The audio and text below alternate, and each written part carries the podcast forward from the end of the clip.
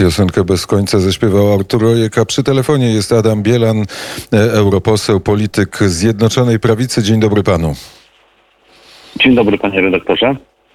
E, pan wie, co zdarzy się w polityce w najbliższym e, czasie. Proszę powiedzieć, w jakiej kondycji jest Zjednoczona Prawica, szczególnie po kongresie, który zorganizował Jarosław Gowin.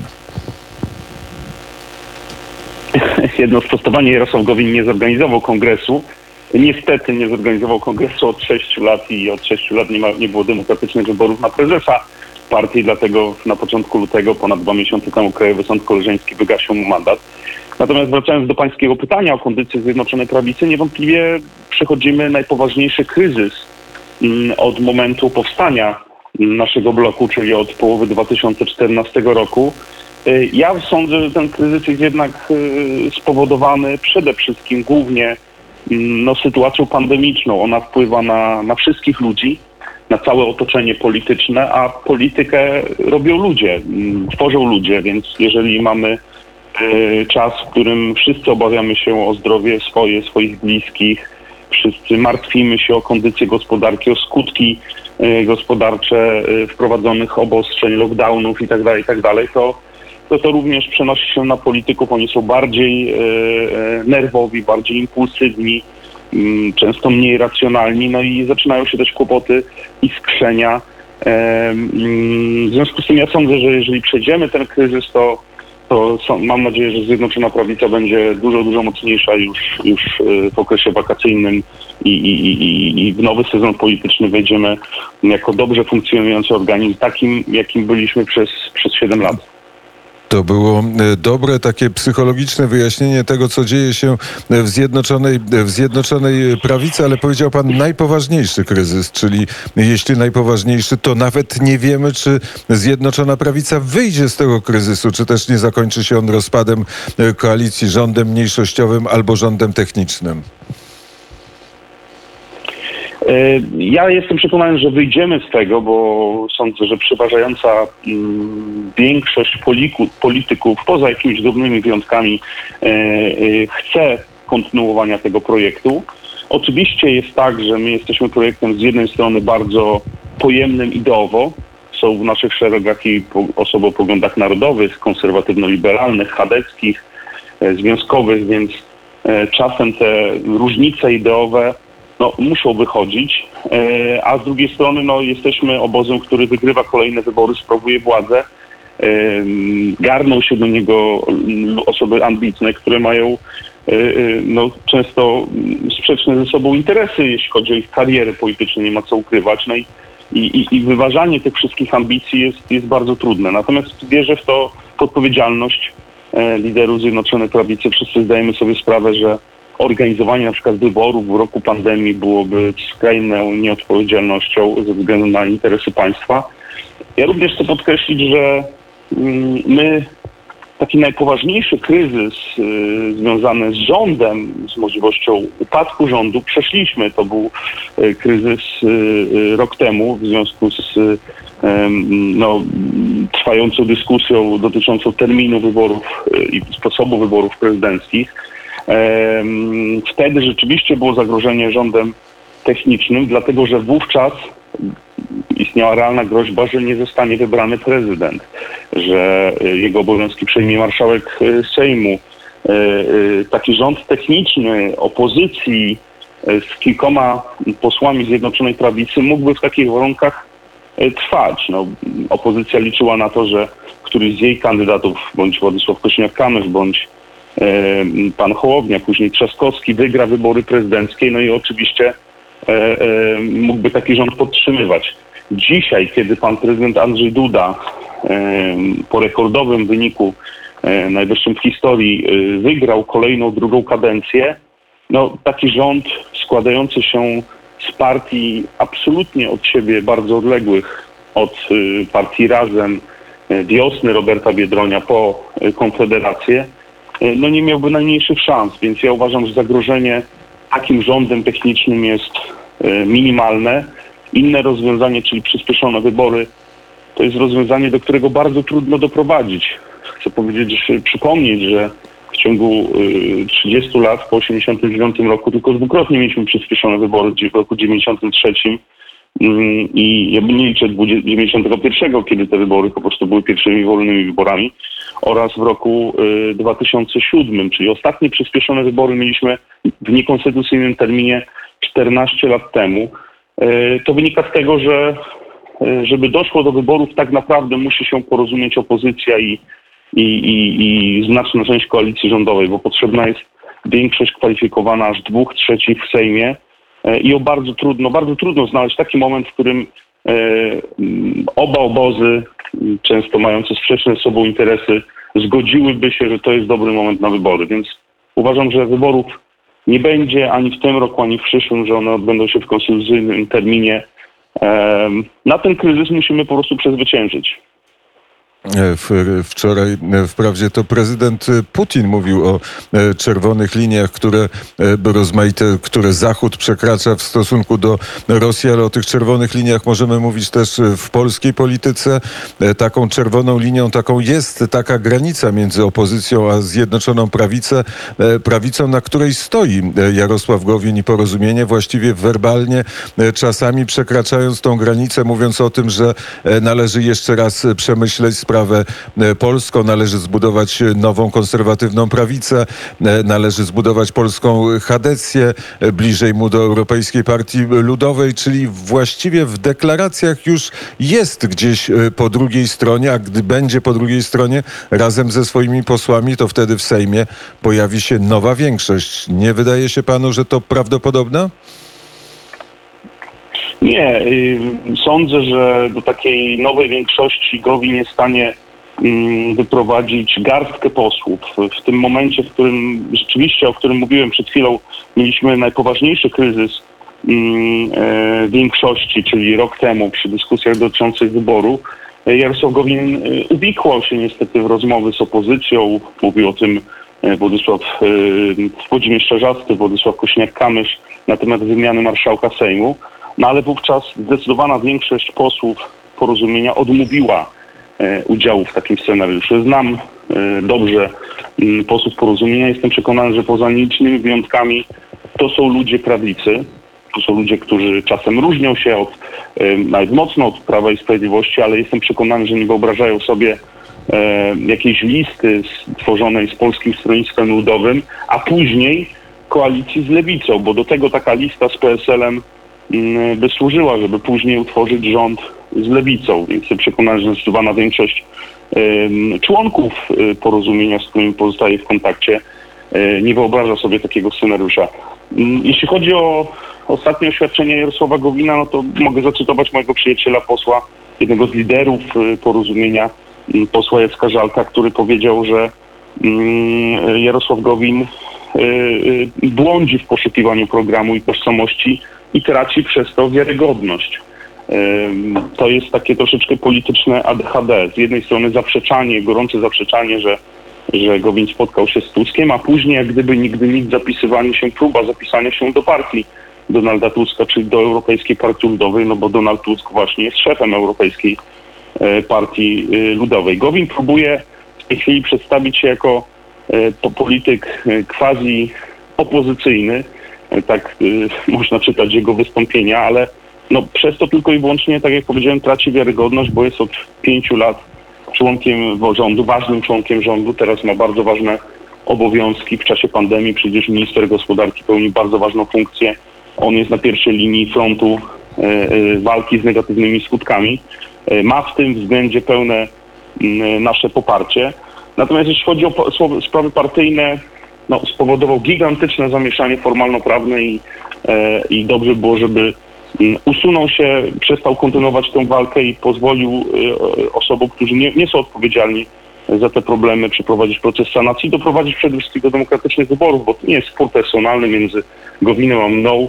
To jest spór o to, czy partie e, mają być demokratyczne, e, mają mieć demokratycznie wybierane władze, tak jak stanowi konstytucja i ustawa o partiach politycznych, czy też e, raz wybrany lider e, może tych wyborów przez wiele lat nie organizować i rządzić, można powiedzieć, siłą rozpędu i z tego tytułu również pełnić wysokie e, funkcje państwowe. I ostatnie zdanie, ja bym przestrzegł Jarosława Gowina przypadkiem Janny Kluzik-Groskowskiej. To też było polityk, która, której w pewnym momencie dawano jakieś szanse na zbudowanie czegoś pośrodku między mm, Prawem i Sprawiedliwością, Platformą Obywatelską. E, Była przymierzona do najwyższych stanowisk państwowych. Skończyła bardzo marnie, marnie na, na, na marginesie e, em, polskiej polityki, ledwo zdobywając mandat poselski w ostatnich wyborach w Radomiu z bardzo słabym wynikiem. E, To, jest, to powinna być przestrzega dla Jarosława Gowina. Jeżeli nie chce skończyć tak jak Jana Kluzik-Groskowska, to powinna, powinien zawrócić z tej drogi. Ale jaka jest e, sytuacja w takim razie w porozumieniu z jednej, jednej partia, która jest jednym z filarów Zjednoczonej e, Prawicy, bo e, sąd, pan, jest sprawa w sądzie i sąd poprosił o uzupełnienie wniosku.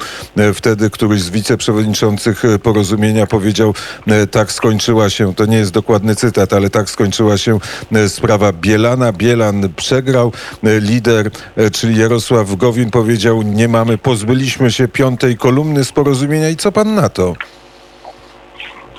E, To cytował pan nie jednego z wiceprzewodniczących, tylko radnego dzielnicowego, bo to jest też skala, bym powiedział, e, problemów przywództwa Jarosława Gowina, że on takich ludzi jak Jan Strzeżek, e, dzielnicowy radny Warszawy, czy Robert Anacki, człowiek opisywany przez media jako bohater kolejnych afer, uczynił twarzami swojej, swojej drużyny, e, a twierdzi, że wyrzucił e, człowieka, któremu najwięcej chyba w polityce zawdzięcza. Jackowi Żalk- Żalkowi zawdzięcza dołączenie do frakcji konserwatywnej. To Jacek Żalek budował tę frakcję w Platformie Obywatelskiej, na której później Jarosław Gowin próbował zbudować platformę do wyjścia mm, z Platformy Obywatelskiej.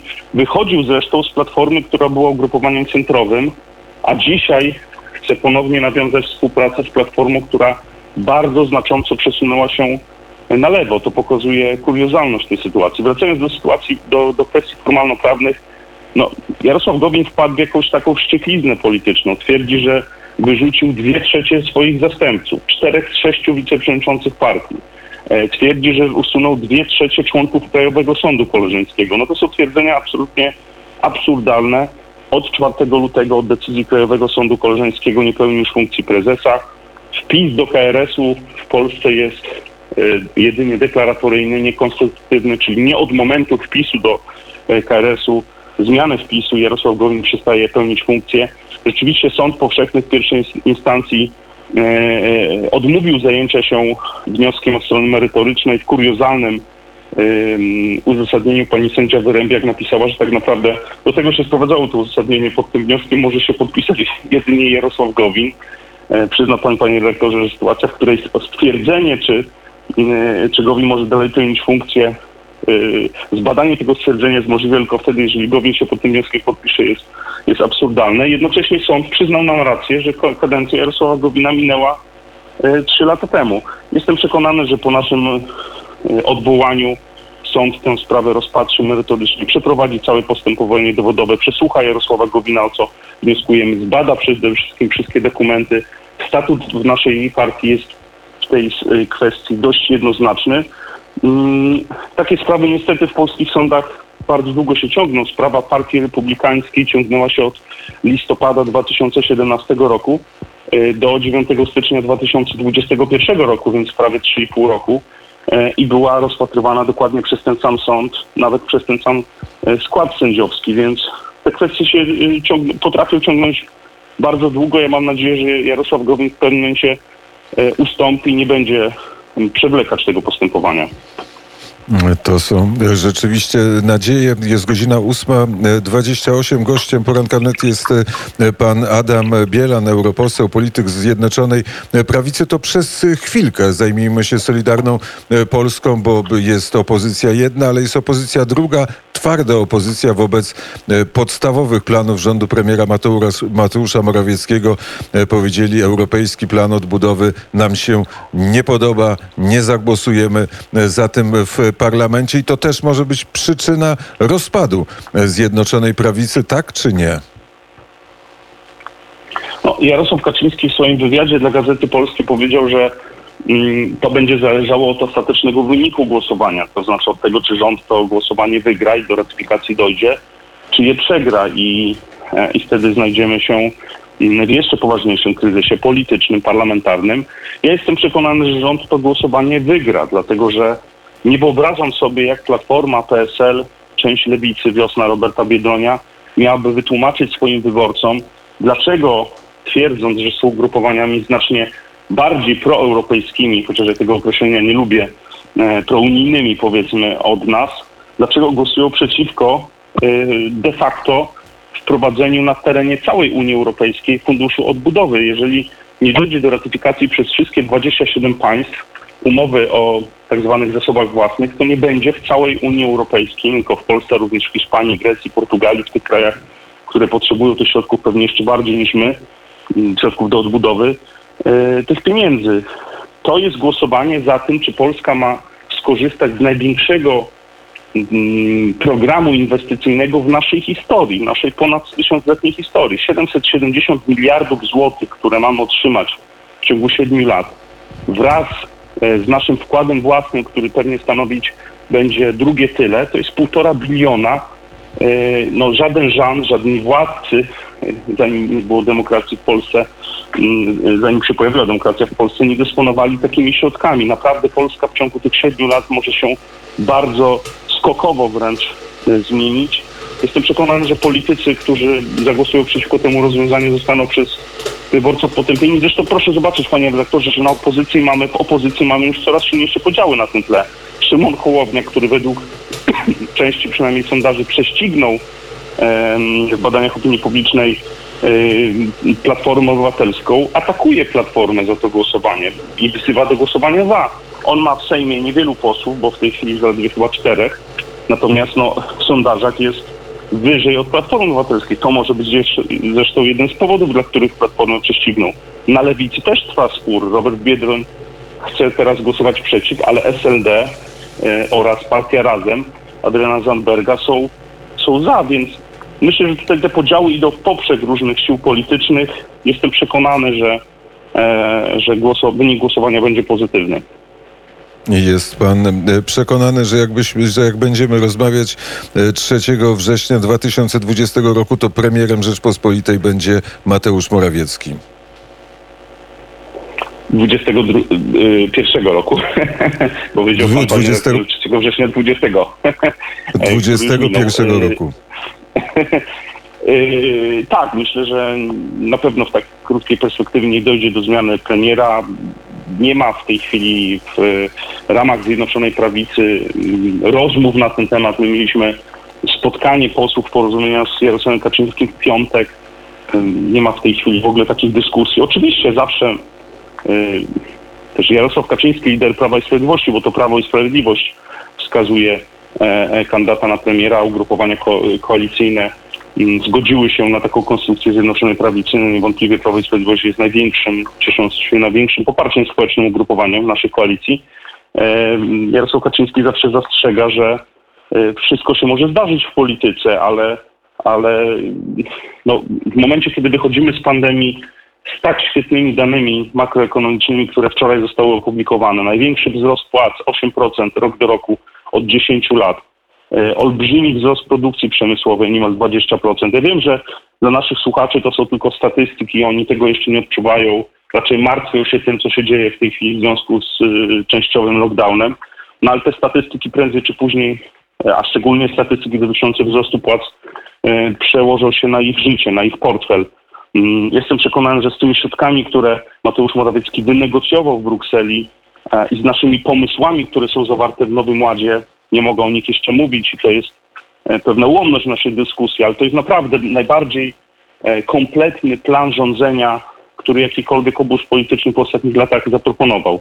Mm, Mam nadzieję, że on zostanie ujawniony jak najszybciej. Jego ujawnienie zostało opóźnione ze względu na pandemię, ale jestem przekonany, że jeżeli ten program będziemy realizować do końca kadencji, to nie tylko przezwyciężymy ten kryzys, o którym w tej chwili rozmawiamy, ale mamy bardzo dużą szansę, żeby jako pierwsze, pierwszy obóz w historii rządzić e, trzecią kadencję z rzędu.